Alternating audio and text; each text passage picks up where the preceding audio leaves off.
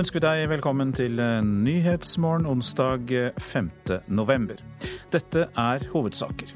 I USA har republikanerne fått flertall i Senatet og kontrollerer nå begge kammer i Kongressen. It was about a government that people no longer trust to carry out its most basic duties. Folk stoler ikke lenger på regjeringens evne til å tilby grunnleggende tjenester. Det sa Mitch McConnell, republikanernes nye leder i Senatet. Forsvaret har forsømt arbeidet med likestilling, sier tidligere generaladvokat for Forsvaret. Virke kritiserer LO. Arbeidsgiverne ber LO bry seg om flere arbeidstakere enn sine egne medlemmer. Og det er åpning i Frp for å berge den kulturelle spaserstokken i forhandlingene som pågår mellom Venstre og KrF. Hvis man fjerner et eh, lavterskel kulturtilbud som, som, skal eh, gi et tilbud til de som sitter nederst ved bordet i institusjonene, så, så syns jeg dette er kort som, eh, som, kan være godt å trekke og, og godt å forhandle om. Godt å forhandle om, ja det sa FrPs kulturpolitiske talsmann Ib Thomsen. Øystein Heggen er i studio i dag. I USA har det altså vært valg til Kongressen denne gangen. Alle setene i Representantenes hus og en tredel av plassene i Senatet har vært på valg. Nå har republikanerne sikret seg flertall i begge kammer. USA-korrespondent Tove Bjørgaas, hva viser de siste resultatene fra valget? De viser at republikanerne får flertall i Senatet med minst 52 senatorer. Eh, vi venter fortsatt på avgjørelsen i to delstater. Eh, men vi regner vel med at de kommer til å ende opp med 53 eller 54. Eh, det viser også at de har tatt et overveldende flertall av guvernørpostene som det var valg til, som også er viktig foran valget om to år. Og så har de altså gjenvunnet De har opprettholdt flertallet sitt i Representantenes hus og tatt noen seter fra demokratene demokratene. Ja, Høres ut som reint bord dette her. Hvordan klarte de det? Nei, dette er et sviende nederlag for demokratene etter den dyreste valgkampen i amerikansk historie. Og måten republikanerne har klart det på, eh, det tror det er to ting. For det første så har de kjørt valgkampen effektivt som en slags folkeavstemning mot president Obama, som vi jo vet er svært upopulær her. Og i tillegg så har de klart å finne rett og slett eh, gode kandidater mange steder. Det har dukket opp nye kandidater, bl.a. en overraskende kvinne i Iowa, Joni Ernst, som noen beskriver som den nye Sarah Palin. Bare en en litt mer troverdig politiker enn Sarah Palin. Eh, så de har klart å ta fra demokratene veldig mange eh, plasser i Senatet, også fordi de har vært flinke. Vi skal høre fra en eh, republikaner som virkelig har vært med en stund. Da. Det er Mitch McConnell, som ble gjenvalgt fra Kentucky og blir republikanernes leder i Senatet. Han sier at republikanere vant fordi folk ikke lenger stoler på at regjeringen kan levere det de trenger. I've heard your concerns. I've made them my own you will be heard in Washington. And look, when you get right down to it, that's what this campaign was really all about. It wasn't about me or my opponent. It was about a government that people no longer trust to carry out its most basic duties. Mitch McConnell der, men han sier også Tove Bjørgaas, at han vil samarbeide med president Obama nå. Hva tyder de signalene på? Det tyder vel på at han, eh, at han, har bestemt seg for å ta ansvar, siden han nå blir leder for Senatet.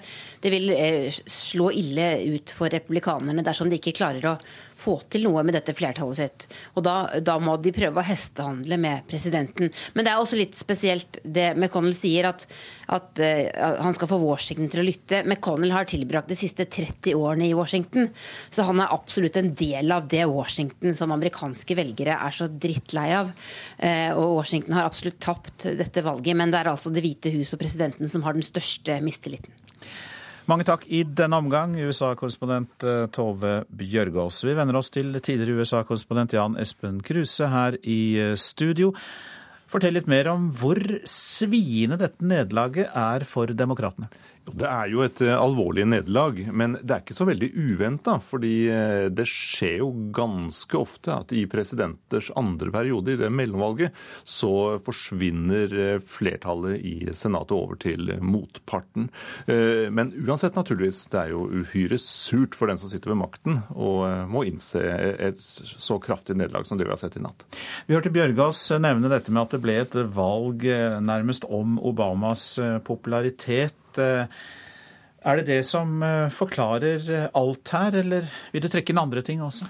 Ja, Det er jo uhyre viktig. Altså, eh, men det er vel et inntrykk av at eh, demokratene og Obama ikke har fått til noe særlig i løpet av de årene de har sittet med makten. Eh, helsereformen som de har kjempet og satset så kolossalt på, det har jo splittet amerikanerne. Og det samme har forsøket på å få til en immigrasjonslov gjort. Altså dette å få legalisert i de lovlige papirer mange av de latinamerikanerne som har tatt seg ulovlig inn i USA man har slitt med økonomien, selv om det er framgang nå. Men også er det jo et inntrykk av en president som litt har gitt opp, litt trukket seg tilbake hvis vi sammenligner han med tidligere valgkamper. Eh, entusiasmen, den enorme begeistringen, så, så er den veldig borte nå. Hvilke virkninger kan det da få for eh, amerikansk politikk at republikanerne nå styrer begge kammer i Senatet, og til og med også da fått eh, mange nye guvernører, som vi hørte? Ja, De vil jo bruke dette flertallet til å få igjennom sine saker, naturligvis. Eh, men det er jo i stor del saker som Obama vil kjempe mot. Og det er all grunn til å tro at han vil legge ned veto, i hvert fall i mange av disse sakene. Så selv om mange håper at begge parter nå skal ha et behov for å vise resultater og samarbeid samarbeidet, så er jeg litt skeptisk. Nå har det vel eh, vært eh, mangel på samarbeid på tvers av, på tvers av partiskillene eh, i de årene som har gått tidligere også, under Obama. Men det virker som det er litt mer forsonlig tone fra republikanernes leder i Senatet nå. Hva kan det tyde på? Nei, Jeg har ikke så veldig stor tro på disse forsikringene fra McConnell som vi nettopp hørte.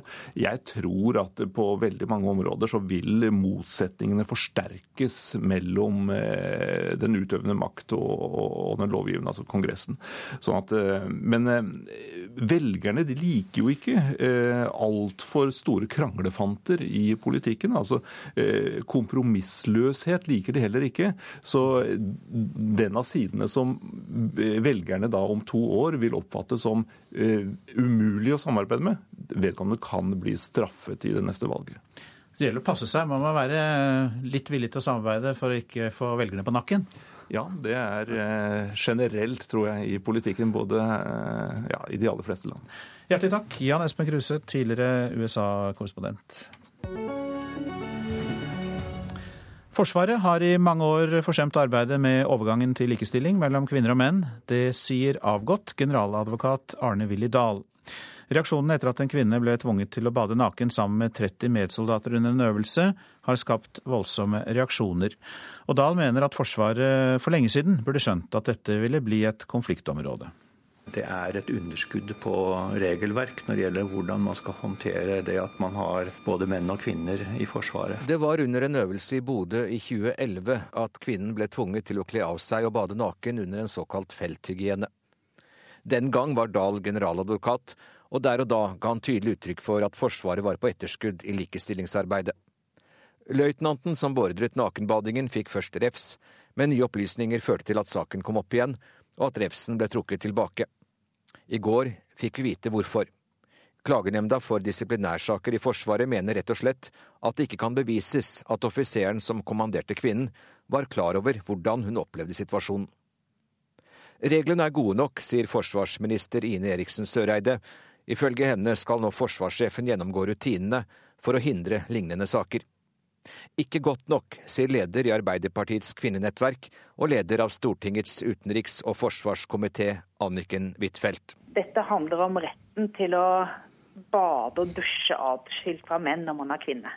Og Hvis dette har vært eh, ordinær felthygiene til nå, så er det på tide å få et eh, klart og tydelig regelverk. Så du er litt skuffet over forsvarsministeren? Jeg mener at hun bør gå inn for en regelendring. Og ikke se på dette kun som at rutinene ikke er fulgt. For det står i klagenemndas vurdering at dette har vært en del av telthygienen.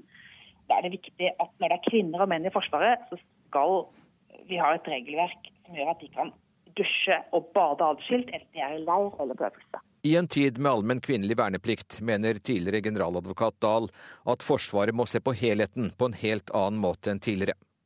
F.eks. med tanke på noe som utgangspunktet er så fint som et kjærlighetsforhold. Hvordan skal man forholde seg til at eh, et befal eh, innleder da et kjærlighetsforhold til et, eh, en menig i samme avdeling? Er det greit, eller er det ikke greit? Kan de utfolde dette på militært område f.eks., eller skal man kanskje ha et absolutt forbud mot slike forbindelser i den samme avdeling? Dette er jo ting som, som man har bestemmelser for i enkelte andre land. Amerikanere har jo er blitt veldig strikse på den type ting. Reportere her Hans Jørgen Solli og Bjørn Atle Gillestad. LO må bry seg om flere arbeidstakere enn sine egne medlemmer. Det sier leder Vibeke Madsen i Arbeidsgiverforeningen Virke. Men LO ber virkesjefen skjerpe seg og bidra til at flere organiserer seg. Og det er folk som Anders Kvernberg de krangler om. Uorganiserte ansatte i private bedrifter. Det er jo fordi jeg eh, først og fremst ikke har eh, tenkt på det. Ser du noe poeng i å være organisert? Nei, jeg ser egentlig ikke noe grunn til det. På jobb tre dager i uken for eiendomsmegleren Privatmegleren gjør Anders Kvernberg fra Oslo som halvparten av norske ansatte. Han gjør jobben uten å være fagorganisert. Og administrerende direktør Vibeke Hammer Madsen i Arbeidsgiverforeningen Virke mener folk som ham fortjener mer oppmerksomhet fra både arbeidsgiveres og ansattes organisasjoner. Det enten det gjelder arbeidsforhold eller velferdsgoder. Men det får hun ikke LO med på, klager hun. Men når jeg kommer med de mange virksomheter som ikke har tariffavtale, så opplever jeg ord som at vi er tariffiendtlige. At vi eh, ikke jobber for å få flere tariffavtaler. Og det er jo ganske feil. LO lukker øynene for det eh, arbeidslivet som vi faktisk har. Den samtalen klarer jeg ikke å få til. Det er ikke hver dag en arbeidsgivertopp tar for seg motparten så kontant. Men virkesjefen ber LO slutte å sabotere debattene om endringer i arbeidslivet, når bare 50% av arbeidstakerne er organiserte. Og langt færre enn det er organiserte i private bedrifter. LO og Arbeiderpartiet er opptatt av en økende tariffdekning. Mange av de eh, virksomhetene som vi har, har ikke tariffavtaler. Faktisk er det sånn at bare 25 av våre 18.500 virksomheter har tariffavtale.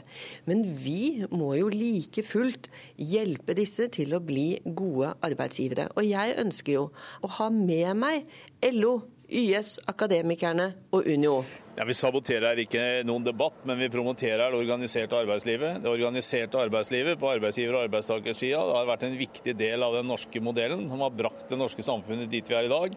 Ingen som har basert seg på et uorganisert, useriøst arbeidsliv, har kommet dit vi har gjort. Nestleder Tor Arne Solbakken i LO ber i stedet Virke skjerpe seg og organisere flere, i stedet for å be LO favne flere arbeidstakere enn de vel 600 000 yrkesaktive medlemmene som er i LO. Ja, altså, eh, Hun skal få et eh, poeng i forhold til at vi eh, er foreløpig ikke gode nok til å organisere innenfor eh, privat service.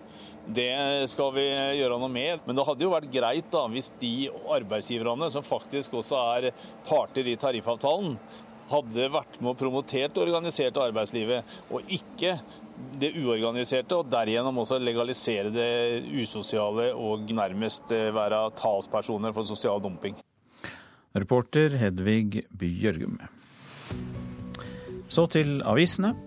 Kari fikk et nytt liv, lyder oppslaget i VG. Nye metoder for å behandle leddgiktpasienter kan revolusjonere behandlingen av revmatikere. 72 år gamle Kari Døsland fikk målrettet behandling og en medisin som endelig hjalp henne. Ti år gamle Isak skal vise seg fram for Manchester United, kan vi lese i Nordlys. Tromsø-gutten er én av 40 fra hele verden som skal delta i ferdighetsfinalen til verdens største klubb denne uka.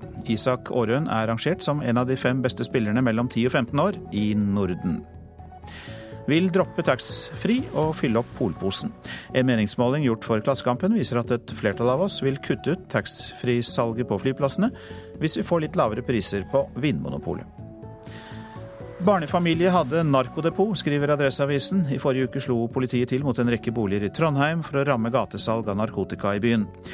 Aksjonen førte til mer enn 30 pågripelser og beslag av kontanter, marihuana og kokain. Akhtar Chaudhry syns det er merkelig at SV har blenda-hvit ledelse. Partiveteranen sier til Dagsavisen at han ønsker seg en nestleder med innvandrerbakgrunn, og at innvandrere i partiledelsen kan løfte SV. Aftenposten forteller om en familie på Gaza. Nidal al-Arener og sønnen Mohammed leter etter familiens verdisaker i deres sammenraste hjem. Gjenoppbyggingen etter krigen på Gaza i sommer kan ta mange år. Lett å starte en religiøs brann, men mye vanskeligere å slukke den. Vårt Land siterer Israels statsminister Benjamin Netanyahu, som frykter et tredje palestinsk opprør. Ifølge avisa mener Netanyahu at det bør bli ro i striden om tempelhøyden i Jerusalem, men han blir ikke hørt av ytterliggående krefter. Full skjæring i borgerlig budsjettbråk, skriver Dagbladet. Dolker norsk næringsliv i ryggen, sier bedriftsledere til Dagens Næringsliv om Venstres og KrFs forslag til statsbudsjett. Og over 4500 gardsbruk kan bli nedlagt dersom Venstres forslag til økt matmoms blir vedtatt, ifølge beregninger fra Norsk institutt for landbruksøkonomisk forskning, gjengitt i Nasjonen. Dramatisk, sier lederen av Småbrukarlaget, Merete Furuberg. Presidenten i Norges svømmeforbund, Per Rune Eknes, kan bli Norges nye idrettspresident. Han er foreslått av sitt eget forbund, men vil ikke selv bekrefte eller avkrefte om han er kandidat. Vi, vi, må ta det når den tid kommer. Eh, så, men det er smigrende å bli spurt, det er. Den 20. november så må navnet på den personen som skal bli Norges nye idrettspresident etter Børre Rognlien, ligge på pulten til valgkomiteen i Norges idrettsforbund. Det er nemlig fristen for å komme med kandidater. Og et av navnene som kommer til å befinne seg på den listen, er svømmepresident Per Rune Eknes. Det har visepresident Svein Harald Afdal med flere sørget for hele forbundsstyret i norsk svømming eh, står bak hans kandidatur. Svein Harald Afdal sier at Eknes har gjort en strålende innsats som svømmepresident siden 2004, og det er en av årsakene til at han nå foreslår han som idrettspresident. Jobben Per Rune har gjort som, eh, som president i Norges Svømmeforbund er ganske så formidabel. Tror du at han ville tatt en slik jobb dersom det skulle bli realitet? Ja, hvis han får litt eh, god betenkningstid osv., så, videre, så så vil jeg tippe at eh, det var noe han kom til å si ja til. Ap-politiker og tidligere håndballspiller Tom Tvedt har også blitt nevnt som en mulig kandidat. Nå får han minst én motkandidat, for selv om Eknes ikke vil bekrefte noe som helst, så ser han på jobben som attraktiv. Så Det er spennende å jobbe med norsk idrett. og Norsk idrett har veldig veldig eh, mange flotte ting med seg. Eh, kanskje de flotteste tingene av alt. Og, og Det er klart eh, det er også spennende politiske utfordringer som ligger foran norsk idrett nå framover. Svømmepresident Per Rune Eknes til reporter Henrik Agledal. Klokka den nærmer seg 6.48. Dette er hovedsaker. I USA har republikanerne fått flertall i Senatet og kontrollerer etter dette mellomvalget begge kammer i Kongressen. Forsvaret har forsømt arbeidet med likestilling, sier tidligere generaladvokat for Forsvaret Arne Willy Dahl. Og vi skal høre at det er åpning i Frp for å gi penger til Den kulturelle spaserstokken likevel. Nå om Statkraft, som er i gang med å bygge to kraftverk i Albania. Til sammen vil disse to produsere kraft tilsvarende litt mer enn et Alta-kraftverk. Konsernsjef Christian Rynning Tønnesen i Statkraft var nylig på besøk for å se på arbeidet, og ble oppglødd. Dette er veldig moro. Altså, nå står vi da midt i Albania, litt over en times kjøretur fra hovedstaden Tirana. Og her bygger Statkraft et svært eh, kraftanlegg som ble påbegynt for flere tiår siden, og som har stått halvferdig da til nå. Og nå, nå, gjør vi jobben ferdig, og dette vil øke kraftforsyningen i hele landet med ca. 17 under besøket i Albania fikk konsernsjefen i Statkraft samtaler både med statsministeren og finansministeren. Det betyr at arbeidet det norske selskapet legger ned, blir sett pris på. Eh, den utbyggingen som Statkraft gjør her, det er det største investeringsprosjektet overhodet i Albania i disse dager. Og eh, det gjør, det gjør, det jo at det både for oss og for eh, politisk ledelse i landet er viktig å ha god kontakt. Og, og vi blir tatt eh, godt imot som eh, investor og som utvikler her i, i landet på høyeste politiske nivå. Jan Bråtu er norsk ambassadør i Albania og Kosovo, og han kan stadfeste at kraftanleggene til Statkraft i Albania blir satt pris på. Prosjektet vil når det er ferdig dekke ca. 20% av Albanias elektrisitetsbehov. Eh, det er enormt, og det er den største enkelte utenlandsinvesteringen i Albania. Den er norsk. Det er ganske fantastisk å tenke på. Når det gjelder vannkraft, så er det få land i Europa som har den kompetansen som norske miljøer har. Og det er veldig hyggelig at disse norske miljøene nå bruker den kunnskapen i Albania. Til fordel for Albania, men også til fordel for eh, norske selskap som Statkraft. Formelt sett er det et datterselskap, Devold Hydropower, som står for utbygginga. I alt 1200 personer er i arbeid, av de 900 albanere. Det er også ei håndfull nordmenn i Albania. Mellom de er Agnar Aas, som har tittelen Director of Governmental Affairs. Det er jo eh, kommunikasjon eh, både internt og eksternt så er det å holde generell kontakt med myndighetene, spesielt da på, eh, på elektrisitetsmyndigheten både her og ellers på Balkan. For vi skal jo selge strømmen, og da er det viktig å holde god kontakt med regulatorene og systemoperatørene og myndighetene både her og i Kosovo og de andre Balkanlandene. Reporter Kjell Arvid Stølen. Naturvernforbundet går til kamp for å hindre kraftutbygging i tre vassdrag i Norge. De ønsker å verne Trongfossen i Nord-Trøndelag, Nedre Otta i Oppland og Ulsfjorden i Troms. Med 600 vassdrag i kø for konsesjonsbehandling er det meningsløst å ødelegge de aller mest verdifulle, sier Lars Haltbrekken i Naturvernforbundet. I dag møter han to departementer og Høyres Nikolai Astrup i Stortingets energi- og miljøkomité. FrPs kulturpolitiske talsmann Ib Thomsen mener regjeringen lett kan ofre det foreslåtte kuttet i Den kulturelle spaserstokken. Regjeringen har foreslått å fjerne ordningen i sitt budsjett, men når forhandlingene med støttepartiene nå er startet, åpner Thomsen for at regjeringen kan snu. Jeg ser jo at en del av partiene som nå forhandler budsjettet, har satt opp som krav å, å få tilbake spaser, Den kulturelle spaserstokken. Og det mener jeg da kanskje kan være noe å forhandle om, å få tilbake til kommunene. Ordningen ble innført i 2007 som en del av de rød-grønnes kulturløft. Målet har vært å tilby eldre et kulturtilbud av høy kvalitet i deres nærmiljø. F.eks. Kari Svendsen på Sofienberghjemmet i Oslo. Jeg går rundt og spiller fra vår og til høst. Noen til herregrelse, andre til trøst. Men i sitt budsjettforslag vil regjeringen kutte de 30 millionene som er satt av til Den kulturelle spaserstokken. Det synes Jorunn Verven på Sofienberghjemmet er leit. Jeg synes det er trist, fordi hver gang det er kulturkvelder her, eller andre ting med kultur, så linder alle veldig til. Og Jorunn har veldig mange med seg i sitt syn. Etter at budsjettet ble lagt fram, har reaksjonene vært sterke, og de har kommet fra hele landet. Dette bør man høre på, mener Ib Thomsen fra Frp. Og ser de reaksjonene som vi har fått fra hele landet, at uh, man fjerner et uh, lavterskel kulturtilbud som, som skal uh, i et tilbud til de som sitter nederst ved bordet i institusjonene, så, så syns jeg dette er kort som, som, kan være godt å trekke og, og godt å forhandle om. Og han får støtte fra KrFs Olaug Bollestad, som er klar på at spaserstokken er en svært viktig sak for partiet i forhandlingene med regjeringen.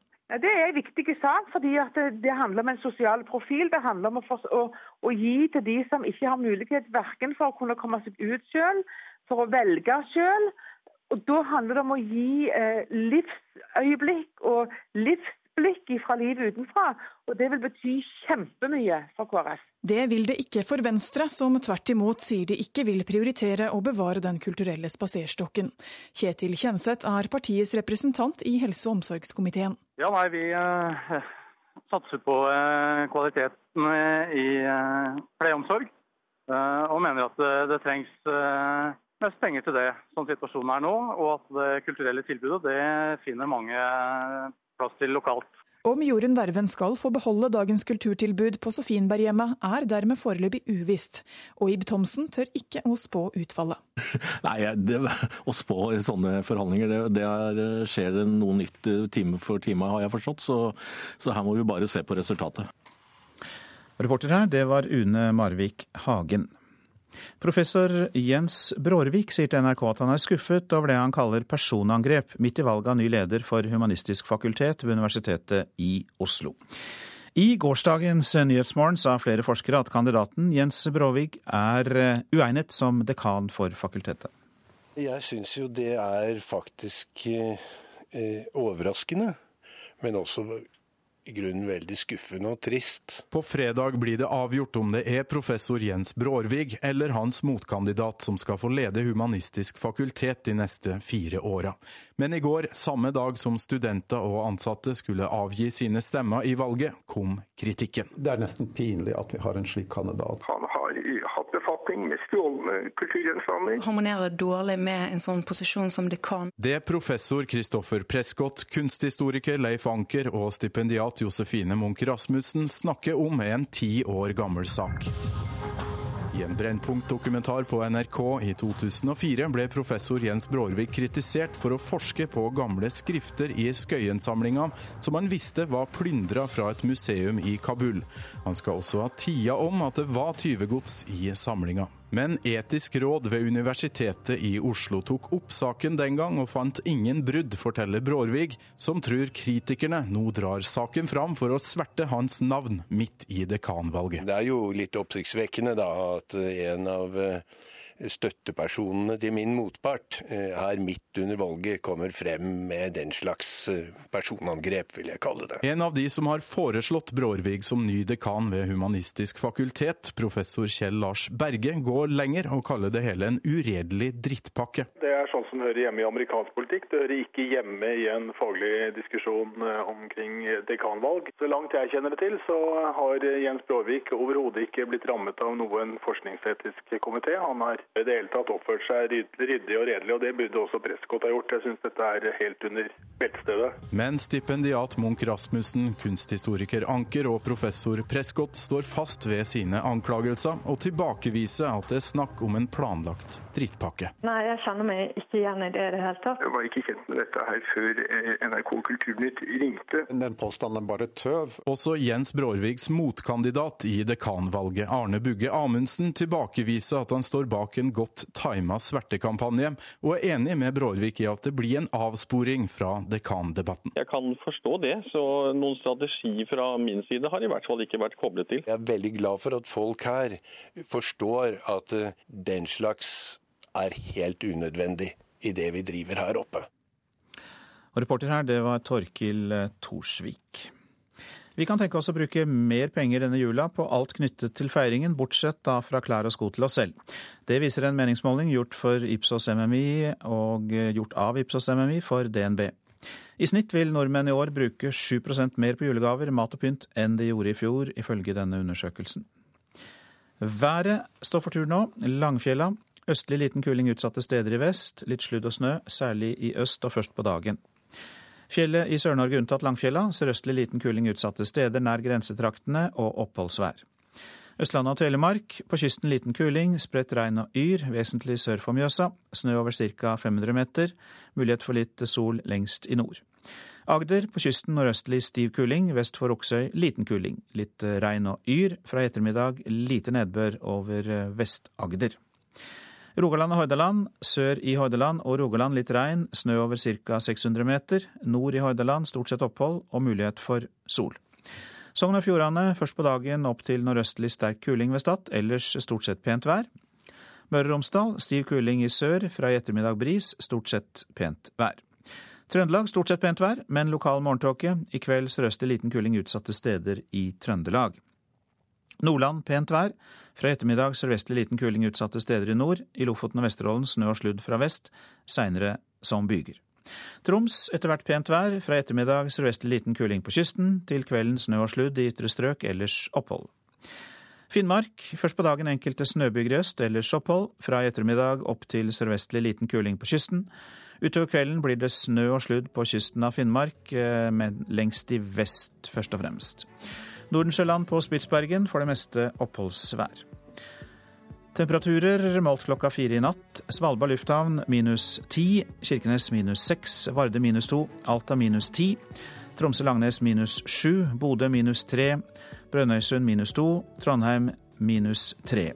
Molde null, og sørover på lista så er det plussgrader. Bergen seks, Stavanger åtte, Kristiansand-Kjevik fire. Gardermoen og Lillehammer begge to. Og så dukker det opp noen minusgrader igjen, da. Røros minus åtte. Og så er det pluss tre som er målt på Oslo-Blinderne.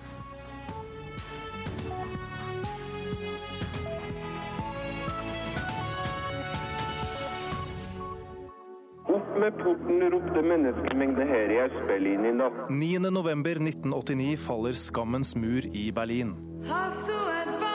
Jernteppet går opp, og Europa blir ett kontinent igjen.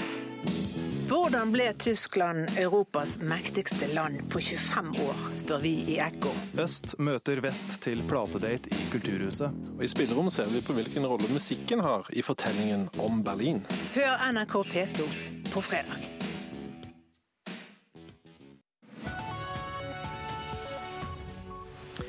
Ja, Nyhetsmorgen eh, overtar eh, litt eh, tidligere enn vi skulle, og grunnen er at vi ikke har fått inn Dagsnytt.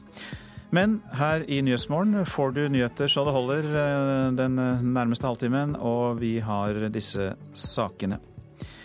I USA har republikanerne fått flertall i Senatet og kontrollerer etter det mellomvalget i begge kammer i Kongressen. Den siste meningsmålingen viser at eh, annenhver nordmann vil ha Jonas Gahr Støre som statsminister. Alle byer bør ha sin Bjørvika-utbygging med tusenvis av arbeidsplasser nær jernbanestasjonen, mener NSB-sjefen. Så hva mener samferdselsministeren? Han kommer hit. Og det er viktigere å lære barn nettvett enn å være streng med nettbruken, mener Redd Barna. Statsminister Erna Solbergs popularitet har falt kraftig, skal vi tro NRKs statsministerbarometer for november. Samtidig har Arbeiderpartileder Jonas Gahr Støre blitt tilsvarende mer populær. NRKs reporter testet statsministerstemningen i Oslo-gryta med et enkelt spørsmål. Jonas eller Erna? Eh, Jonas. Hvorfor det? Virker som jeg syns han er mer eh, seriøs, eh, egentlig. Det blir Erna. Hvorfor det? Nei, jeg liker henne. Eh, Jonas før. Erna kanskje nå. Hvorfor det? Han var mer eh, troverdig før. Nå er han eh, for vag. Han, jeg tror ikke på han lenger. Du har gått fra Erna til Jonas? Jeg har nok det. Hvorfor tror du det? Eh, hvordan hun har håndtert liksom, det den siste perioden. Hun var jo veldig, eh, veldig klar, på en måte. Eh, hun virket virket kapabel på en måte til å ta det som kom, men nå virker det som hun er litt ute på glatt is. Og det er mange som har gått fra Erna til Jonas, skal vi tro NRKs statsministermåling for november. For på spørsmål om hvem av de to som er mest skikket til å være statsminister i Norge, svarer nå 34,4% Solberg, mens 49% svarer Støre. Drøyt 16% vet ikke eller er usikre. For Støres del betyr 49% oppslutning en framgang på 6 prosentpoeng fra NRKs måling for en måned siden. Ja, det, en, det ser ut som en god kake. Sier Støre selv når NRK presenterer målingen i form av et kakediagram. Målingen følger trenden fra NRKs partibarometer, der Arbeiderpartiet på én måned fosser fram 7 prosentpoeng til 40,9% oppslutning. Det er jo et uttrykk for en uh, tillit uh, som vi må ta til oss og se på som en oppfordring til å jobbe enda hardere. Hvorfor tror du det har fått et sånt utslag denne måneden? Jeg tror det henger sammen med høstens store sak, som er statsbudsjettet. Det er jo viktig i politikken, eh, og det ble jo lagt fram av regjeringen. Eh, og jeg tror reaksjonene på det har vært at eh, flertallet ikke syns noe om det. Mener at det er feil prioriteringer, et usosialt budsjett. Og ikke de riktige satsingene på de oppgavene Norge trenger å løse. Og Der tror jeg vi har et alternativ som ligger nærmere det Eh, et flertall ser etter, og derfor får vi også gode tall på disse målingene. Når det gjelder statsminister Erna Solbergs oppslutning på drøyt 34% i statsministermålingen, er det første gang etter stortingsvalget hun faller under 40% Solberg hadde i går ikke anledning til å kommentere målingen selv, men nestleder i Høyre og helseminister Bent Høie sier han ikke tror nedgangen er varig. Jeg eh, både tror og håper dette vil snu seg, for folk vil se at eh, det de stemte på Eh, til valget, nemlig en regjering som eh, satser på viktige områder som skal ruste Norge for framtida, som en bedre skole, som en helse, god helsetjeneste, eh, mer penger til vei og samferdsel og trygge lokalsamfunn. Det er akkurat det nå vi er i ferd med å gjennomføre. Reportere her Halvard Norum og Vegard Kjørom. Og rett over til deg, politisk kommentator Lars Nehru Sand. Vi hørte at statsbudsjettet ble brukt som forklaring på medvind av Jonas Gahr Støre selv. Hva tror du? Det forklarer nok ganske masse, i all den tid at veldig mye av de velgerovergangene vi ser mellom partiene på denne målingen, sammenlignet med oktobermålingen eh, NRK sin oktobermåling ble tatt opp rett før statsbudsjettet, og når det skjer så mange endringer på så kort tid, eh, og det også har vært, eh, som Støre sier, en så viktig begivenhet i norsk politikk, så er det grunn til å forklare det med det. Og eh, Arbeiderpartiet fikk jo da en oppslutning på nesten 41 eh, i en måling i går, eh, som for så vidt da peker i samme retning som denne statsministermålingen. Men hvor viktig er lederens personlige popularitet for partiet? Det henger på sett og vis sammen, men jeg tror nok Arbeiderpartiet som parti, og også Støre som, som person, nå høster en del eh, hva skal vi si, medgang av at eh, de er opplevd som det naturlige alternativet til denne regjeringen. Det går jo utover de andre småpartiene eh, i sentrum, som har bindt seg for tett opp til regjering, men også de to andre rød-grønne partiene, Senterpartiet og SV, som ikke får noen del av denne fremgangen. Eh, i hvert fall forsvinner liten sammenlignet med Arbeiderpartiet. Eh, og så har Støre selvfølgelig er et nytt navn nettopp lansert og har ikke eh, gjort de store feilene i, i politik, politikken og debatten ennå. Eh, så han er eh, for mange en, en, person det kan være lett å gå til når, når regjeringen ikke leverer. Det vi kan registrere på når det gjelder Erna Solbergs popularitet, er at eh, som det blir sagt i innslaget, det er første gang hun er under 40% men det er også første gang hun ikke får et høyere nivå enn summen av Høyre og Frp alene på eh, partibarometeret. Og det er interessant, fordi en statsminister har ofte eh, mye støtte også i andre partier, i kraft av å være en lederskikkelse og person. Og det har også Erna Solberg flytt på frem til nå. Nå er jo da Støre opposisjonspolitiker. Han slipper da å ta hensyn til det ansvar og de kompromisser som nødvendigvis følger med å sitte i regjering. Eh, hvordan takler han den rollen?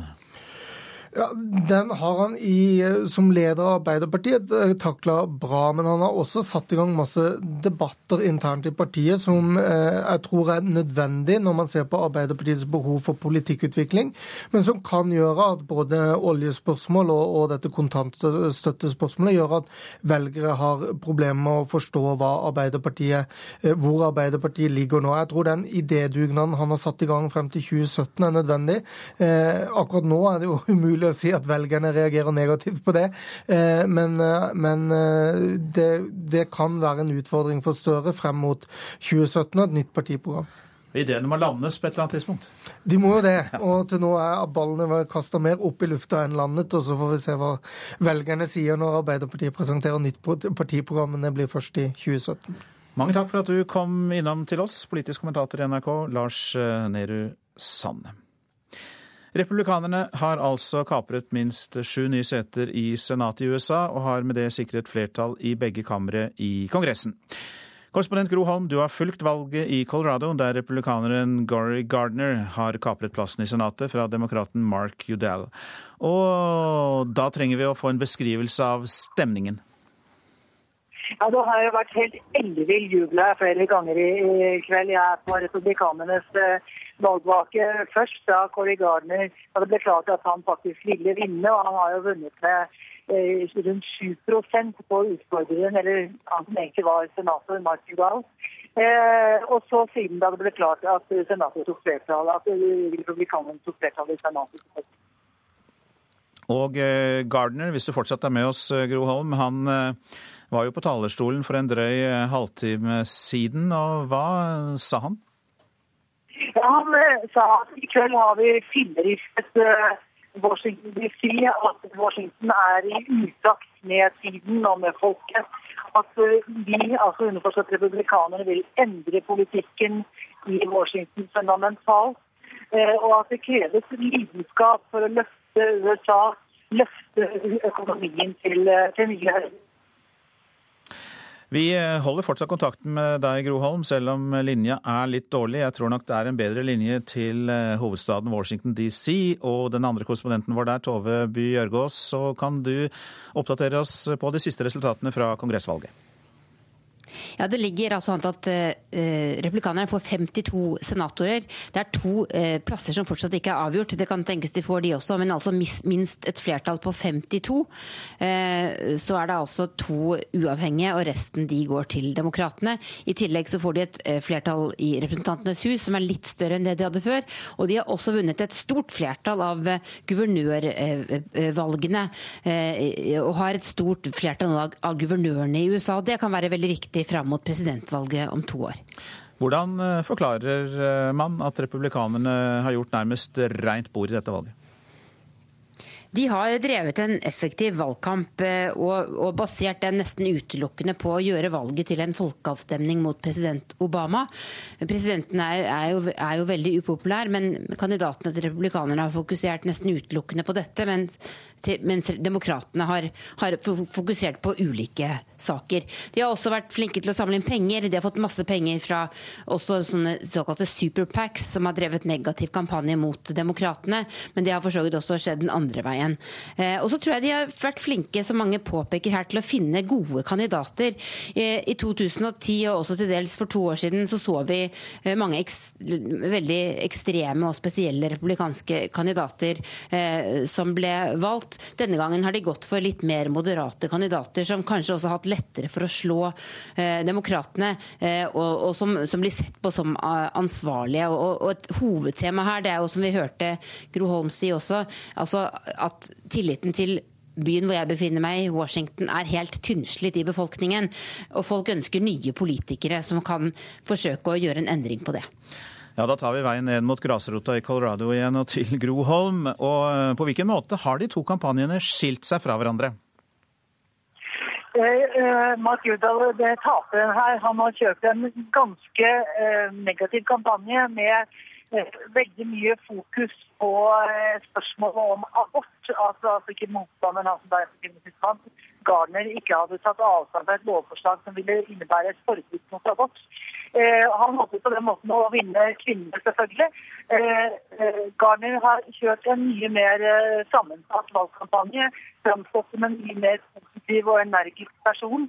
Med vekt selvfølgelig på lavere skatter, på mindre stat og på økonomien, som er hovedsaken her i Colorado.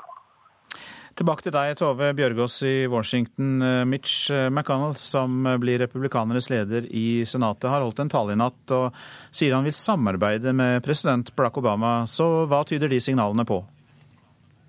De tyder på at han vil fremstå som en annen politiker enn det han har gjort de siste årene, der han har vært minoritetsleder og forsøkt å stikke stikke flest mulig kjepper i hjulene for Obama og det demokratiske flertallet i Senatet. Nå må McConnell klare å få eh, Kongressen og Senatet til å gjennomføre politikk. For dersom de ikke klarer å få til noe, dersom situasjonen blir like fastlåst eh, som den har vært de siste årene, så kan eh, republikanerne bare drømme om å vinne Det hvite hus om to år. Derfor så er det veldig veldig viktig nå for ham å vise at han kan være ansvarlig. Han har 30 års erfaring fra, fra Washington. Eh, han må forhandle med Obama. Eh, de er veldig uenige om veldig mange saker, men de må forsøke å finne en eller annen tone som gjør at de kan få gjennom noen ting. Og den saken som er aller viktigst nå fram mot valget i 2016, det er å få til en immigrasjonsreform som hjelper alle disse illegale innvandrerne som er her eh, i landet. Det er begge partier enige om at man må få til, men de er ikke enige om hvordan. Og jeg tror det er en sak som de må forsøke å, å jobbe sammen om. Mange takk til dere begge to. Tove Bjørgaas i Washington og Gro Holm som eh, fulgte valget i eh, Colorado. Dette er Nyhetsmorgen, og klokka den tikker fram mot kvart over sju. Vi har disse hovedsakene. Ja, Som vi hørte i USA, har republikanerne fått flertall i Senatet og kontrollerer etter dette mellomvalget begge kammer i Kongressen. Annenhver nordmann vil ha Jonas Gahr Støre som ny statsminister, viser ny meningsmåling. Og alle byer bør ha sitt Bjørvika, med tusenvis av arbeidsplasser nær jernbanestasjonen, mener NSB-sjefen. Mer om det straks. For NSB-sjef Geir Isaksen mener altså at man bør få en fortetting med høye blokker og boliger og tusenvis av arbeidsplasser i gangavstand til tog, buss og bane. Og da er Bjørvika-utbyggingen i Oslo forbilledlig, mener han. Det er selvfølgelig ikke et befolkningsgrunnlag som gjør at alle byer kan bygges som Bjørvika. Men samtidig så er eh, veksten i de norske byene forventet å bli veldig stor framover.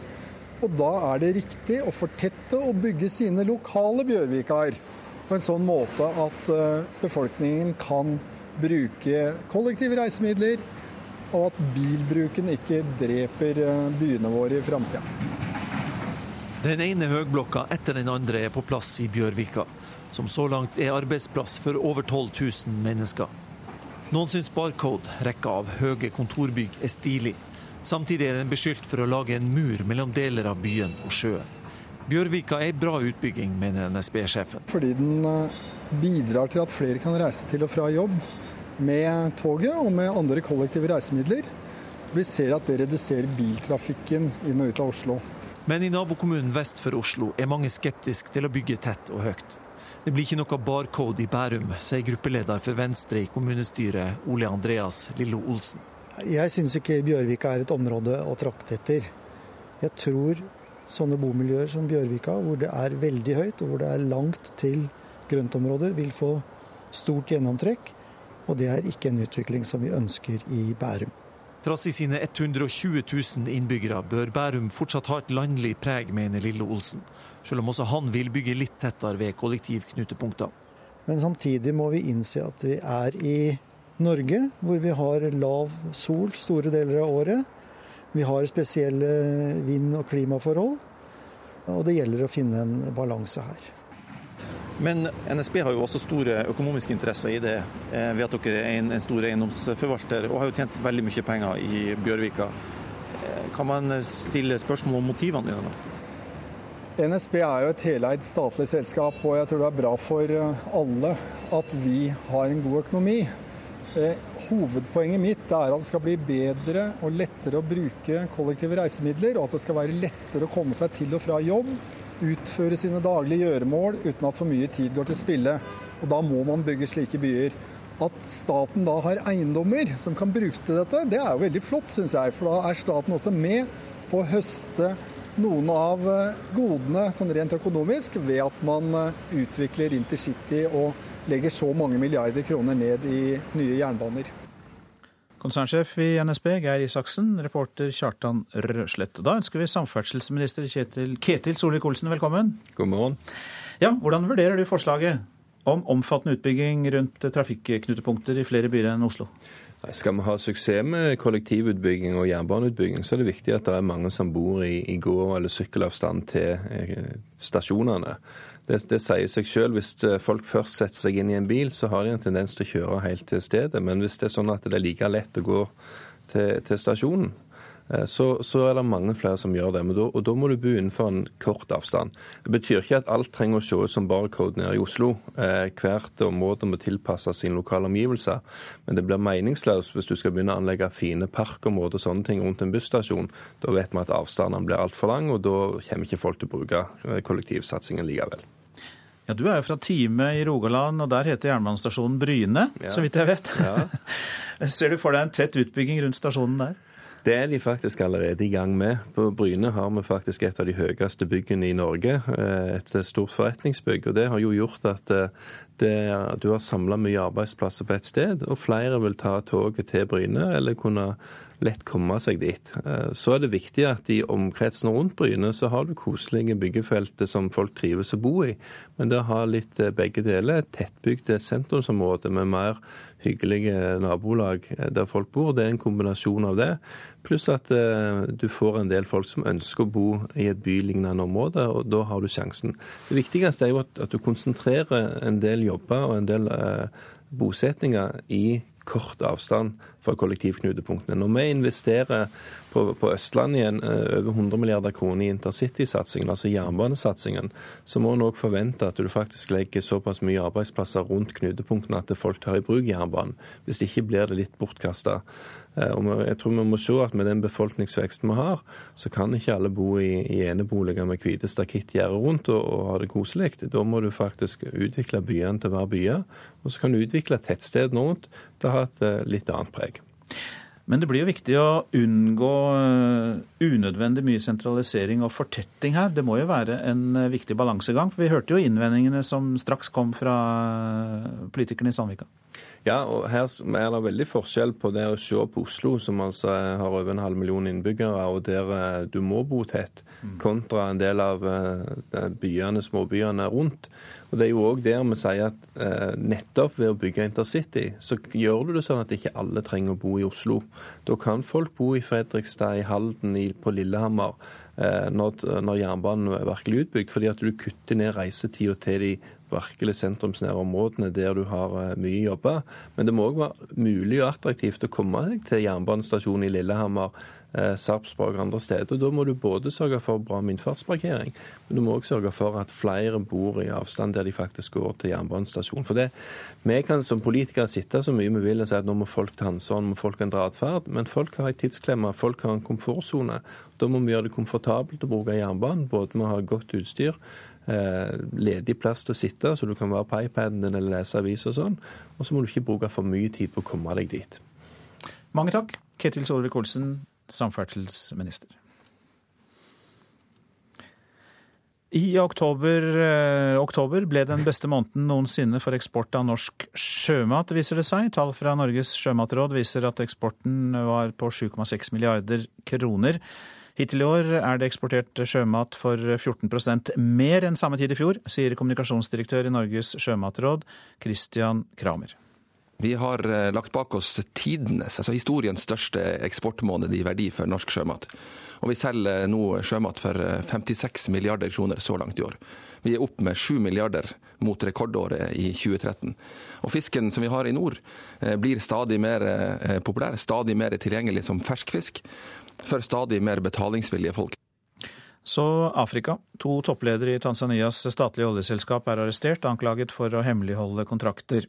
Tanzania har store olje- og gassressurser, og norske Statoil er en av operatørene på sokkelen.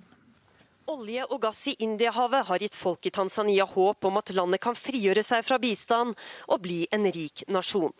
Men hemmelige kontrakter har ført til mistenksomhet og frykt for at for mye av fortjenesten går ut av landet til oljeselskaper som norske Statoil. Regjeringen i Tanzania insisterer nemlig på å holde kontraktene med oljeselskapene hemmelige. Men parlamentet har krevd å få innsyn i olje- og gasskontraktene. Fristen for å utlevere papirene gikk ut på mandag. Da gikk politiet til aksjon og arresterte både generaldirektøren og styrelederen i landets eget oljeselskap. De hemmelige kontraktene kom i søkelyset i sommer, da en kontrakt som involverte Statoil, ble lekket til pressen.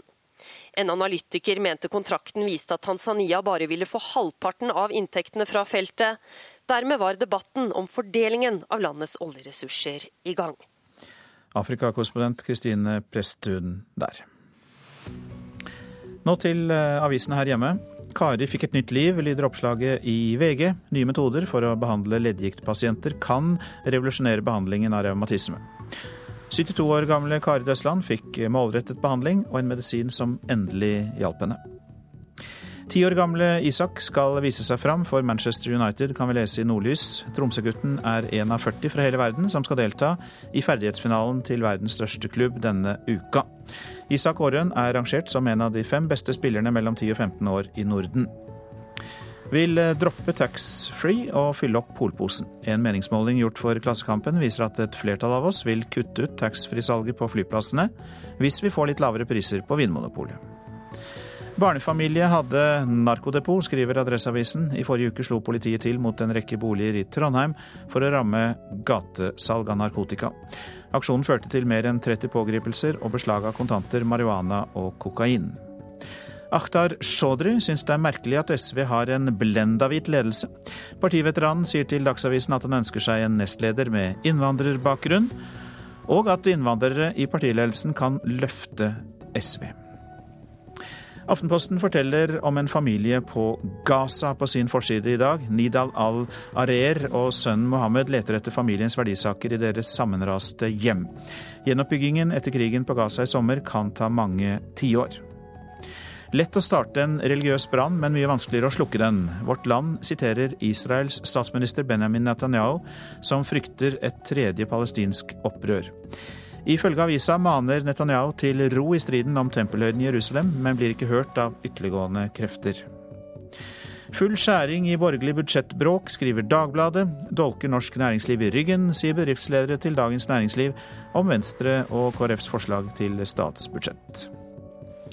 Over 4500 gardsbruk kan bli nedlagt dersom Venstres forslag til økt matmoms blir vedtatt, ifølge beregninger fra Norsk institutt for landbruksøkonomisk forskning, gjengitt i Nasjonen i dag.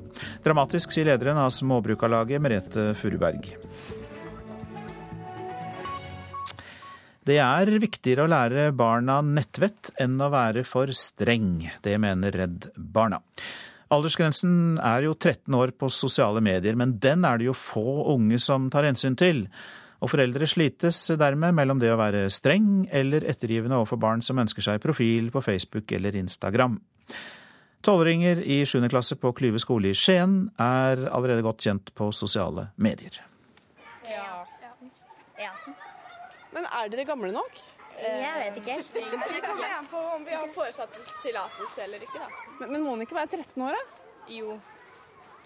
I hvert fall på Instagram. Grensa på 13 år er en amerikansk aldersgrense satt av nettsamfunnene sjøl, og som ifølge Medietilsynet ikke gjelder i Norge. Rådgiver Kaja Hegg i Redd Barna mener grensa ikke er absolutt. Vi mener at det er lurt at foreldre setter klare grenser og snakker sammen, sånn at man setter en grense for når barn og unge er i sosiale medier. Eh, samtidig så mener vi at eh, foreldre også eh, må innse at hvis de blir for strenge, og alle andre i klassen er i sosiale medier, så vil ofte barnet lage en sosial profil uansett. Og det som er dumt med det, er jo at barnet da ikke får hjelpen til å sette inn personverninnstillinger, og kanskje heller ikke veiledning i måten å bruke mediene på. Og det skaper jo ikke særlig god trygghet for barnet. Instagram, Snapchat, Kik, Facebook, eh, Instagram, Snapchat. Er jeg liksom eneste som ikke har Facebook her? Nei. Det vi ser, det er effekten av krenkende kommentarer spesielt. Eh, og passord som blir delt. Noen som har utgitt seg for å være noen andre. Og så blir dette konflikter dagen etterpå. Det sier Toril Kjønnås, miljøterapeut ved Klyve skole. Med 460 elever er skolen den største i Skien. I den årlige trivselsundersøkelsen blant elevene i 5. til 7. klasse spør de i år også om fritid og nettbruk. Det er noen i klassen vår som ikke er på sosiale medier, ja. fordi de mener at eh, det ikke er trygt. Men eh, de fleste er jo på sosiale medier, da, fordi det er jo liksom det som alle gjør. Men sånn som jeg, da, for eksempel. Jeg bruker jo Facebook noen ganger til å snakke med folk og sånn, men vanligvis så bruker jeg det til å få med meg nyheter og sånt fra BBC og sånt. For det er veldig enkelt. For nå går jo alt via Twitter, Facebook, alt sammen, liksom. Så det er jo, må jo gjøre visse grep for å liksom være oppdatert på ting, da. Hva bør man absolutt ikke gjøre? Man eh, bør absolutt ikke ha med seg mobilen inn på natta med nettet på. Uh, og det er jo litt fordi at uh, når man skal legge seg om kvelden, så bør man få lov til å sove uten at noen andre kommer inn i den innerste sonen du har. For da har du heller ikke noe beskyttelse hvis det er krenkende kommentarer. Vi hører jo om uh, her i grenlandsområdet var det jo senest for et par år siden ei jente som, som tok livet sitt som en ytterste konsekvens av krenkende kommentarer. Og når man da gikk inn på PC-en hennes eh, etterpå, så fant man opptil 500 krenkende kommentarer som hun hadde fått det siste døgnet. Og det er jo når mobilen ligger under hodeputa, når du er på nett hele døgnet. Noen jenter på vår skole står jo opp tidlig om morgenen for å sjekke statusen sin og se hvor mange likes de har fått. Og det avhenger av om dagen er bra eller dårlig, om de har fått de likesa de vil ha. Reporter her, det var Gry Eirin Skjelbred. Prosent for Nyhetsmorgen i dag, Eli Bjelland. Her i studio, Øystein Heggen. Fabrikker må stå, eh, må stenge, biler må stå, for nå er det toppmøte for asiatiske regjeringssjefer i Beijing. Hør mer i reportasjen etter Dagsnytt. Og et hett tema i budsjettforhandlingene er formuesskatten. Den skal opp til diskusjon i Politisk kvarter.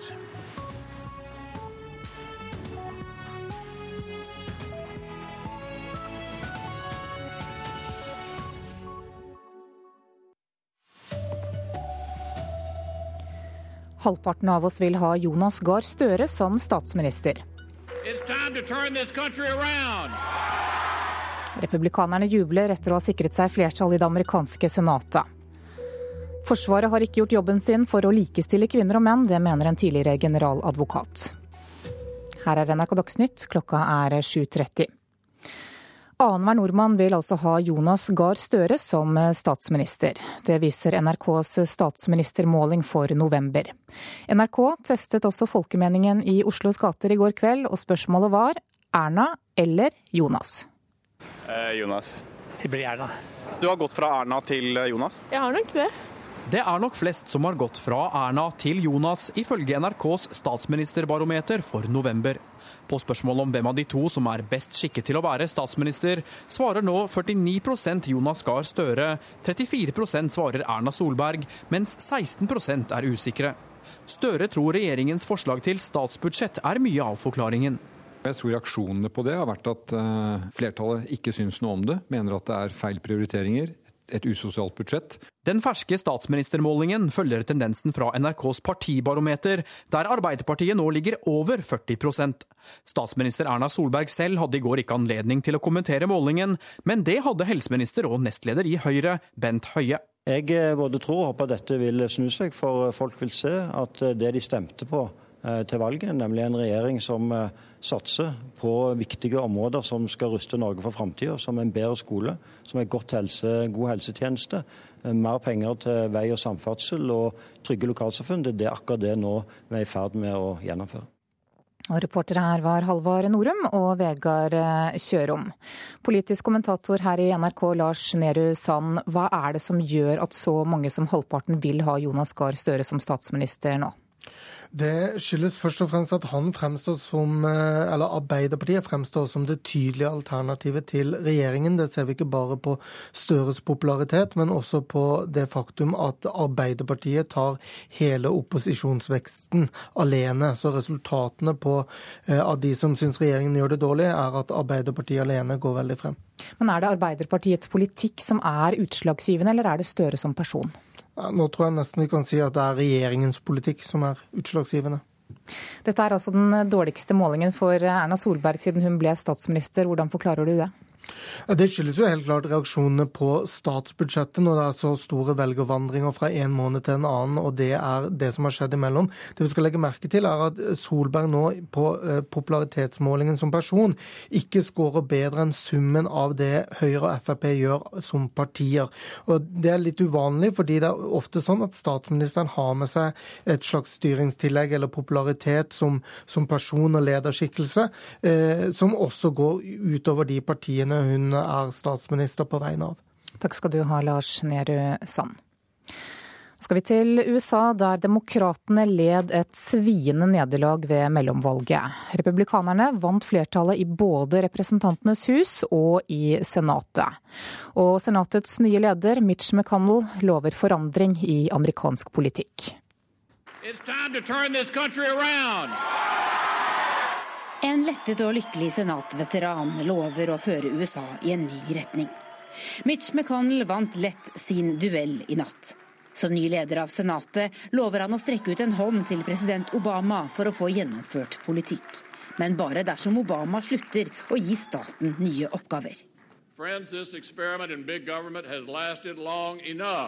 Det ble en jubelnatt for republikanerne. Ikke bare vant de senatsduellene i nesten alle vippestatene. De utvidet også flertallet sitt i Representantenes hus.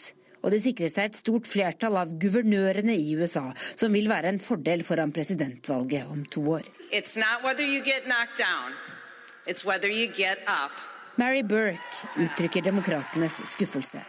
Hun tapte guvernørvalget i Wisconsin etter å ha fått valgkamphjelp fra president Obama. Hans upopularitet er den viktigste årsaken til republikanernes seier.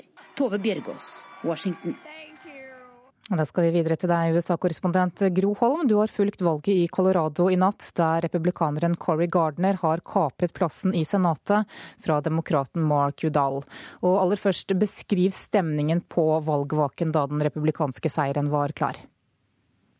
Ja, Det har jo vært enorm jubel ved flere anledninger. Først da det ble klart at Ghani faktisk fikk senatsplassen, og så da det ble klart at republikanerne ville få flertallet i senatet. Så det har framstått som en enorm gledeskveld for republikanerne, selvsagt. Hvordan forklarer republikanerne du har snakket med i natt i Colorado denne valgseieren? Veldig mange trekker fram at dette har vært en folkeavstemning om eh, Obamas eh, styre i Washington DC. Eh, flere trekker også fram at motstanderen Goodell har kjørt en veldig entydig valgkamp med fokus på, på Gardner og hans nølen med å, med å ta avstand fra en veldig radikal abortlov, som for øvrig ikke ble vedtatt. Men en veldig ensidig, veldig negativ kampanje. Og eh, Gardner har lagt veldig stor vekt på at eh, Colorado må tiltrekke seg utenlandsk kapital, eh, ha lave tak, skatter, eh, eh, satse på næringslivet, eh, produsere egen energi osv. Så, videre. så det har vært en mye mer positiv kampanje, preget av flere saker. Takk skal du ha, USA-korrespondent Gro Holm, direkte med oss fra Colorado. Forsvaret har i mange år forsømt arbeidet med å likestille kvinner og menn. Det sier tidligere generaladvokat Arne Willy Dahl. Det har vært mange og sterke reaksjoner etter at en kvinne ble tvunget til å bade naken sammen med 30 medsoldater under en øvelse. Og Dahl mener at Forsvaret for lenge siden burde skjønt at dette ville bli et konfliktområde. Det er et underskudd på regelverk når det gjelder hvordan man skal håndtere det at man har både menn og kvinner i Forsvaret. Det var under en øvelse i Bodø i 2011 at kvinnen ble tvunget til å kle av seg og bade naken under en såkalt felthygiene. Den gang var Dahl generaladvokat, og der og da ga han tydelig uttrykk for at Forsvaret var på etterskudd i likestillingsarbeidet. Løytnanten som beordret nakenbadingen, fikk først refs, men nye opplysninger førte til at saken kom opp igjen, og at refsen ble trukket tilbake. I går fikk vi vite hvorfor. Klagenemnda for disiplinærsaker i Forsvaret mener rett og slett at det ikke kan bevises at offiseren som kommanderte kvinnen, var klar over hvordan hun opplevde situasjonen. Reglene er gode nok, sier forsvarsminister Ine Eriksen Søreide. Ifølge henne skal nå forsvarssjefen gjennomgå rutinene for å hindre lignende saker. Ikke godt nok, sier leder i Arbeiderpartiets kvinnenettverk og leder av Stortingets utenriks- og forsvarskomité, Anniken Huitfeldt. Dette handler om retten til å bade og dusje atskilt fra menn når man er kvinne. Og Hvis dette har vært eh, ordinær felthygiene til nå, så er det på tide å få et eh, klart og tydelig regelverk. Og reportere her var Bjørn Atle Gildestad og Hans Jørgen Solli. Alle byer bør ha sin lokale Bjørvika-utbygging. Det mener konsernsjef Geir Isaksen i NSB.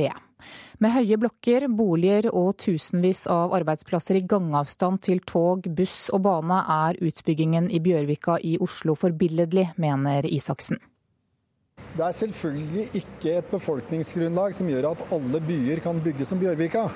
Men samtidig så er eh, veksten i de norske byene forventet å bli veldig stor framover. Og da er det riktig å fortette og bygge sine lokale Bjørvikar. Den ene høgblokka etter den andre er på plass i Bjørvika, som så langt er arbeidsplass for over 12 000 mennesker. Noen syns Barcode, rekka av høye kontorbygg, er stilig. Samtidig er den beskyldt for å lage en mur mellom deler av byen og sjøen. Bjørvika er ei bra utbygging, mener NSB-sjefen. Flere kan reise til og fra jobb med toget og med andre kollektive reisemidler. Vi ser at det reduserer biltrafikken inn og ut av Oslo. Men i nabokommunen vest for Oslo er mange skeptiske til å bygge tett og høyt. Det blir ikke noe barcode i Bærum, sier gruppeleder for Venstre i kommunestyret, Ole Andreas Lillo Olsen. Jeg syns ikke Bjørvika er et område å trakte etter. Trass i sine 120 000 innbyggere bør Bærum fortsatt ha et landlig preg, mener Lillo Olsen. Selv om også han vil bygge litt tettere ved kollektivknutepunktene. Men samtidig må vi innse at vi er i Norge, hvor vi har lav sol store deler av året. Vi har spesielle vind- og klimaforhold. Og det gjelder å finne en balanse her. Reporter var Kjartan Rørslett. Svømmepresident Per Rune Eknes seiler opp som en av kandidatene til å overta som idrettspresident etter Børre Rognlien. Eknes er lansert av visepresidenten i Svømmeforbundet. 20.11 er siste frist for idrettskretsene til å komme med forslag til hvem som skal bli Rognliens etterfølger. Ansvarlig for denne sendingen det var Ellen Omland, teknisk ansvarlig Per Ivar Nordahl og her i studio Anne Jetlund Hansen. Og da slår vi fast at du lytter til Nyhetsmorgen. Flere hundre fabrikker må stenge, og halvparten av bilparken må stå når APEC-toppmøtet for asiatiske regjeringssjefer starter i Beijing til helgen. Den kinesiske hovedstaden er i helspenn, noe også vår Asia-korrespondent Petter Svaar har fått merke. En og annen bil suser av gårde på Jiangumenwai-avenyen midt i Beijing. Det er ingen kø og ingen stampe, og det har ikke skjedd på mange år. Mandag i denne uken forsvant trafikkorken som ved et trylleslag fra avenyene her. Men løsningen er dessverre ganske midlertidig. Biler med partall- og oddetallsskilt får den neste uken bare kjøre annenhver dag, eller risikere tusenvis av kroner i bøter. 应该说是在清洁空气行动计划 Vi har truffet harde tiltak basert på våre forurensningsplaner for å beskytte APEC-møtet, sier Zhuang Zidong, som er nestleder for Beijings miljøvernmyndigheter. For mens over 20 millioner Beijing-innbyggere har hatt den mest forurensede oktobermåned i manns minne, skal himmelen bli litt blåere for de 21 verdenslederne når de kommer ned fra sine flytrapper de neste dagene. Over 300 fabrikker er stengt. Effekten er så stor at den vil slå ut i Kinas brutto nasjonalprodukt for oktober. Den globale etterspørselen etter jernmalm er allerede påvirket, og prisen på jern raste på råvarebørsene i går pga. at fabrikkene står under APEC-toppmøtet. Kina har ikke vært vertskap for dette toppmøtet siden 2001, og gjør nå alt for å vise seg fra sin beste side. Den kinesiske limousinen Hongqi, som en gang var Maos stolthet, er satt inn igjen i produksjon og skal frakte mange av lederne rundt de neste dagene. Hongqi betyr røde flagg, og dem er det også mange av i den kinesiske hovedstaden nå. Den asiatiske handelsorganisasjonen APEC har medlemsland som står for over halvparten av verdenshandelen, og til sammen har de rundt 40% av verdens befolkning. Det er bremsen i verdensøkonomien som blir det viktigste temaet for det ukelange møtet, for pilene har begynt å peke nedover for både Kina og flere andre medlemsland. Mange følger også med på om Japans statsminister Abe og Kinas president Xi kommer til å ha et uformelt korridormøte. Det blir i så fall første gang Xi og Abe treffes. Også Vladimir Putin og Barack Obama kommer, men har til kinesiske journalistkollegers skuffelse varslet at de ikke vil gi noen intervjuer til kinesisk presse. Sikkerhetsopplegget foran dette møtet er også storslått. Oppmarsjerte soldater i alle varianter preger nå de kinesiske nyhetssendingene. Ambisjonen er en responstid på ett minutt i hele den kinesiske hovedstaden. Og så langt har det gått at politiet forrige helg advarte mot halloween-kostymer på metroen man risikerte å bli arrestert om man skapte frykt eller trengsel, lød advarselen. Så har da også studentlederne fra Hongkong truet med å ta sin protest til Beijing de neste dagene. Men det spørs om de når så langt som til flyplassen. Peter Svaar, Beijing. Dette er hovedsaker i Nyhetsmorgen. Halvparten av velgerne vil ha Jonas Gahr Støre som statsminister, viser ny meningsmåling. I USA har republikanerne fått flertall i Senatet og kontrollerer etter dette mellomvalget begge kammer i Kongressen. Forsvaret har forsømt arbeidet med likestilling. Det sier tidligere generaladvokat for Forsvaret, Arne Willy Dahl. Og alle byer bør ha sin Bjørvika-utbygging med tusenvis av arbeidsplasser nær jernbanestasjonen. Det mener NSB-sjefen. Hør Kulturhuset Iranske kvinner kaster hijaben i Facebook-kampanjen My Stealthy Freedom, med klar adresse til hijab-politiet og til myndighetene som vil kontrollere sin befolkning. Vi ser på hvilken rolle sosiale medier spiller i kampen for frihet verden over. Kulturhuset, i dag klokka 13 på NRK P2. Og etter den påminnelsen så kan jo jeg komme med en til, nemlig nettstedet radio.nrk.no som er en oase for alle som er glad i radio. Du kan høre alle NRKs kanaler, spole deg tre timer tilbake i hver kanal, og du kan også høre tidligere sendte programmer. Men eh, nå skal vi ha noe som går eh, direkte, både på radio og TV, nemlig Politisk kvarter, og der er Bjørn Myklebust programleder.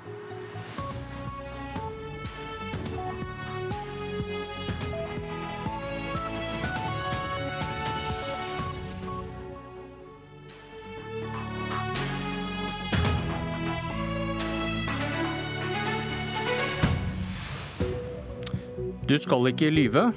Det NHO driver med nå er uanstendig. Når de lyver, så blir jeg sint, sier Knut Arild Hareide. Det er Hareide som bryter løftet om å kutte i formuesskatten, sier Kristin Skogen Lund, som kanskje også er sint. Hvem er løgneren her? Velkommen begge to til Politisk kvarter. Du er ikke først og fremst kjent for å være sint, KrF-leder Knut Arild Hareide?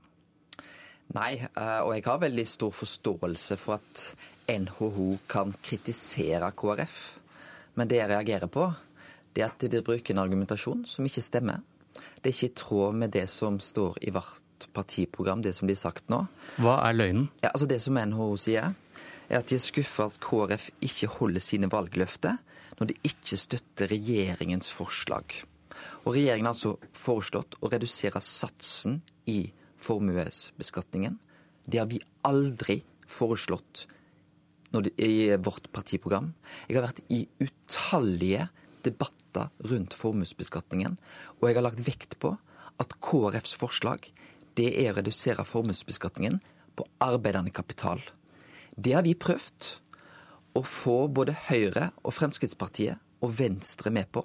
Vi har fremma forslag sågar de siste åtte årene i Stortinget om dette.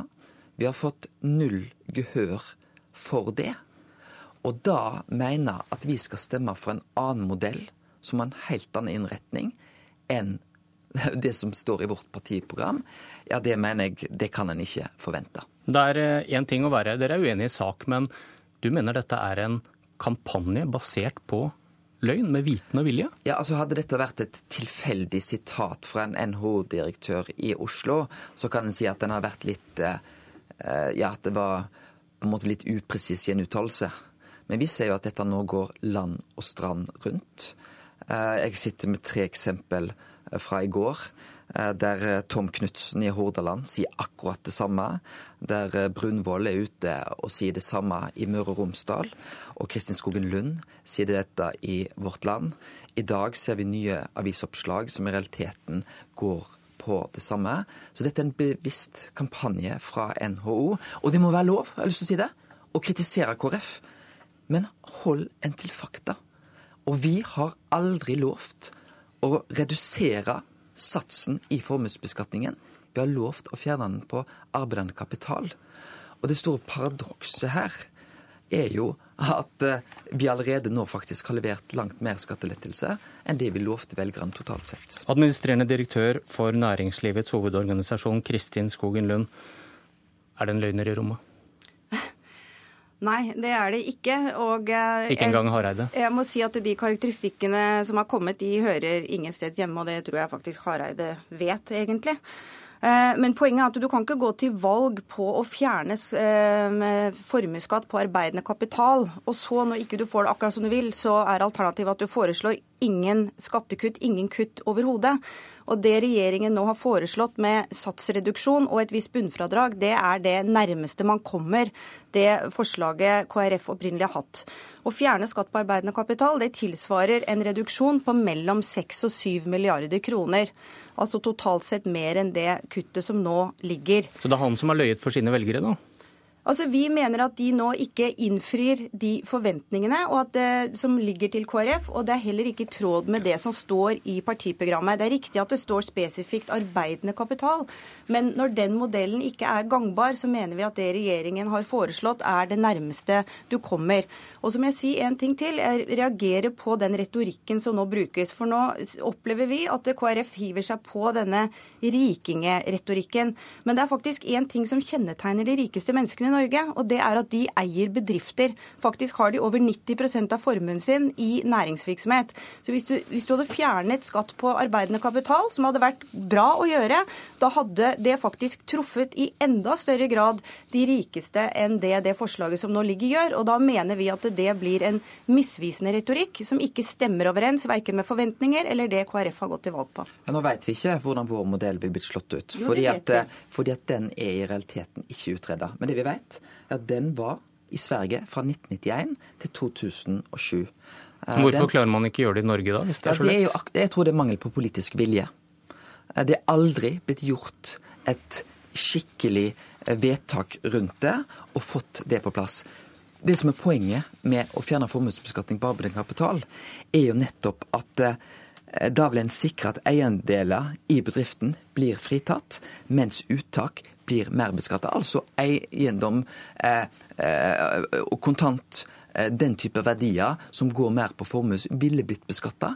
Mens, for å si det enkelt, arbeidsplasser ville blitt mer fritatt. Det, vi, er helt enig i, vi er helt enig i det, eh, men poenget det alt dette her handler om, er at når den modellen ikke er gangbar, så eh, er KrFs alternativ eh, å ikke gjøre noen ting.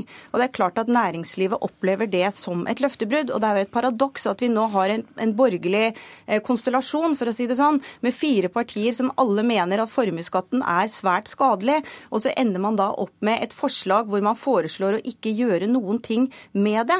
Og det er åpenbart at næringslivet da må eh, reagere og, og, påtale at vi er skuffet over det. Og jeg har lyst til å si... Er, er det en samordnet kampanje som dere blir beskyldt for her? Du må gjerne kalle det en samordnet kampanje, men altså det er veldig sterke reaksjoner rundt baut i det, i det, ganske land, og ikke minst langs kysten og i distriktene, hvor KrF har mange av sine velgere. Har du snakket med folk i regjeringen om KrFs standpunkt etter deres Nei, alternative budsjett? Nei, det har jeg ikke gjort. Eh, og det har vi heller ikke behov for å gjøre, for dette er jo en kjernesak for NHO. Det er jo NHO som har vært mest opptatt av å fjerne formuesskatten, så dette er jo en kjernesak for oss, og selvfølgelig mobiliserer vi. Og så har jeg lyst til å si en ting til, og det er at det er en det hele denne debatten har sporet ganske mye av. For Hvis du ser på de ti rikeste menneskene i Norge, og så ser du hva de betaler i personskatt, inntektsskatt og formuesskatt, så er det 38,7% av samlet skatt. Hvis du fjerner formuesskatten, så betaler de 10% rikeste fortsatt 38,0% Dvs. Si at når du fjerner formuesskatten, så slår det nesten ikke ut på de rikestes skattebidrag. Så hele denne debatten har tatt en helt gal vending, og jeg mener at ansvarlige politikere burde holde seg for gode til å hive seg på den type retorikk, og så bør de ta ansvar for å føre en politikk som gjør det mulig å skape verdier i dette landet. Det kommer vi til å trenge mer enn noensinne fremover når vi ser oljeaktiviteten flater ut. Jeg ønsker veldig gjerne en saklig debatt rundt dette. fordi vi vet at det er et problem. Paradokset er jo da, hadde vi kunne forholdt oss til det vi reelt sa før valget, og ikke blitt møtt med at vi bryter løftet som vi ikke bryter. Jeg har lyst til å bruke noen eksempler. Nei, nå har vi, eh, tiden er eh, så vidt ute. Vi skal snart slippe dere ut i det fri, fordi vi skal snakke om gårsdagens meningsmåling. Men apropos løgnere, da. Siv Jensen sa i går at bare velgerne nå skjønner at løgnene om budsjettet var nettopp det. Da vil de snu for regjeringen. Var det deg hun siktet til, Hareide? Nei, det er hun som ljuger, da. Eh, vi har holdt oss meget konkret til budsjettet. og jeg har lyst til å si at når, når det blir sagt at KrF snur etter vinden Vi har altså i våre siste åtte budsjett gjort akkurat det samme rundt formuesbeskatningen. Vi har foreslått et vedtak. Vi har ikke lagt det inn i budsjettene, og vi har vært med nå på skattelettelser på til sammen 7 milliarder. Vi gikk til valg og sa vi skulle ha om lag samme skattenivå. Og Da kan hun stille det retoriske spørsmålet. Er det på en måte vi som har brutt våre valgløfter fordi vi har gitt 7 milliarder allerede mer Vi er på overtid, du får ti sekunder. Ja. sekunder Forrige gang dere var i regjeringen skulle formuesskatten fjernes. Det skjedde ikke. Man innførte en utbytteskatt. Selv etter de kuttene som nå er foreslått, så vil formuesskatten være høyere enn den var i 2005 da dere gikk ut av regjering. Det syns jeg kanskje noen burde tenke på. Er du mindre sint nå, Hareide? Jeg opplever ikke at NHO har gjentatt at vi har drevet med løftebrudd. De sier at vi har ikke, har ikke stilt opp til noen forventninger. Jeg er opptatt av at vi forholder oss til partiprogrammet. Og jeg opplever egentlig at NHO er litt i retur på kritikken. Nei.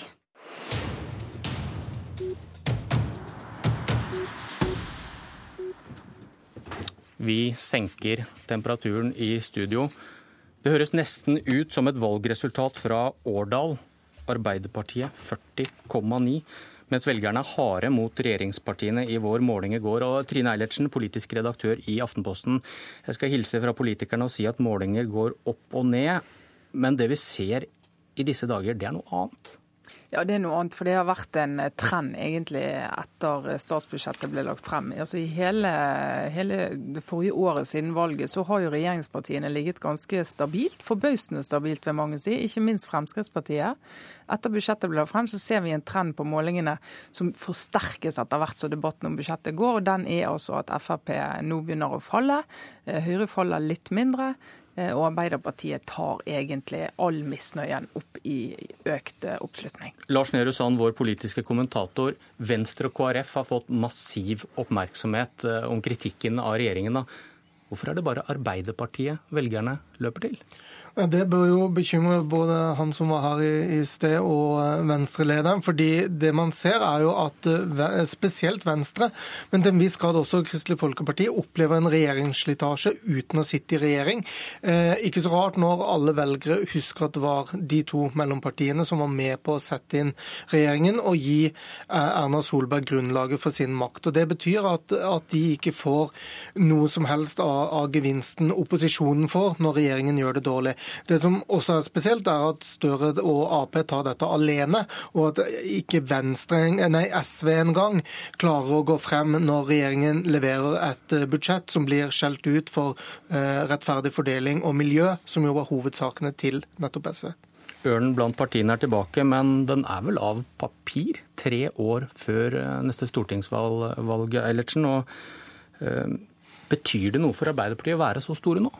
Altså, hadde jeg vært i Arbeiderpartiet, så hadde jeg vært fornøyd med en bismak. Eh, for det er klart at eh, formtoppen, med mindre dette skal gå enda videre, den er kommet veldig tidlig. Eh, og det å holde et sånt nivå, det blir jo krevende. Så hvis, det, hvis de etter hvert begynner å falle igjen av forskjellige grunner, så skal de stå og forklare det. Det er mye bedre å være på en jevnt stigende, eh, stigende kurve, så du kan forklare fremgang med helt frem til valget. Men nå er det bare ett år igjen til det er et nytt valg. Eh, Arbeiderpartiet har en, et fantastisk godt utgangspunkt. Og som Sand er inne på, så SV og sentrumspartiene bør jo være dypt bekymret når de ser målingen i høst. For nå ser vi virkelig en sånn blokk situasjon i norsk politikk som er veldig skadelig for eh, de små partiene. Vi slet jo med å forklare Høyres framgang i forrige periode, Nehru Sand. har de bare byttet rolle nå, Støre og, Solberg? At eh, det skjer ikke så mye, men de går i taket? Hovedforskjellen er at regjeringen har levert et budsjett som gir veldig markant utslag på eh, enkeltmålinger. Så vi har fått, eh, fått budsjettet som et jordskjelv som også forplantes etter meningsmålingene. Eh, jeg syns også mot slutten av perioden i forrige periode at Høyre hadde en tydeligere plan. Nå kan Ap høste litt gevinst at de både er for og mot kontantstøtte. De er både positive til oljenæringen, men også veldig opptatt av miljø, og dermed bre, bre seg ut og, og hanke inn mange velgere på, på ytterkanter, holdt jeg på å si. Og det, det, gjør at de også blir et spiselig parti for flere. Så skal vi se på samme måte som vi fikk budsjettet, som gir et veldig tydelig svar om regjeringspolitikk. Snart kommer Arbeiderpartiets alternative budsjett. Da vil noen velgere kunne få noen svar. Og så venter vi jo alle spent på det neste partiprogrammet, som blir Jonas Gahr Støre sitt første, hvor han må lande mange av de ballene han nå har kasta opp. Hvordan, hvordan tror dere Frp takler motgangen på målingene under ti på TV 2s måling, og litt bedre på vår, men, men dog. Ja, nå, jo, nå, skjer jo det som mange har eh, spådd skulle skje, at uh, Frp-ene begynner å tvile på gevinsten ved å sitte i regjering. Velgerne gjør det. Organisasjonene fremdeles uh, fremstår som ganske samlet og lojal mot prosjektet. Uh, mens de som er på utsiden og ikke helt følger de interne diskusjonene, de begynner også å tvile litt. og Det blir jo interessant å se når budsjettforliket kommer, for det må vi regne med kommer, hva som er igjen av Frp-politikk der, og ikke minst hvordan Frp-erne greier å selge det ut til sine egne. Det blir helt avgjørende. for Hvis de nå starter med at de får sitt første budsjettforlik, og så legger partiet seg på et, på et lavere nivå enn de har ligget på på mange år, blir det veldig, veldig tungt å løfte seg eh, neste år. Etter det første budsjettet så er det også en tung vei opp, for nå har vi først fått eh, et, eh, befesta et bilde av regjeringens politikk. Og når eh, regjeringen da sliter med imaget så tidlig, så vil det ta lang tid før målingene igjen viser et, et nivå spesielt Frp kan, kan være fornøyd med. Lars Nehru Sand, Trine Eilertsen, takk for at dere var med i Politisk kvarter. Jeg heter Bjørn Myklebust. Takk for i dag. Opp med porten, ropte menneskemengde her i Øst-Berlin i natt. 9.11.1989 faller skammens mur i Berlin.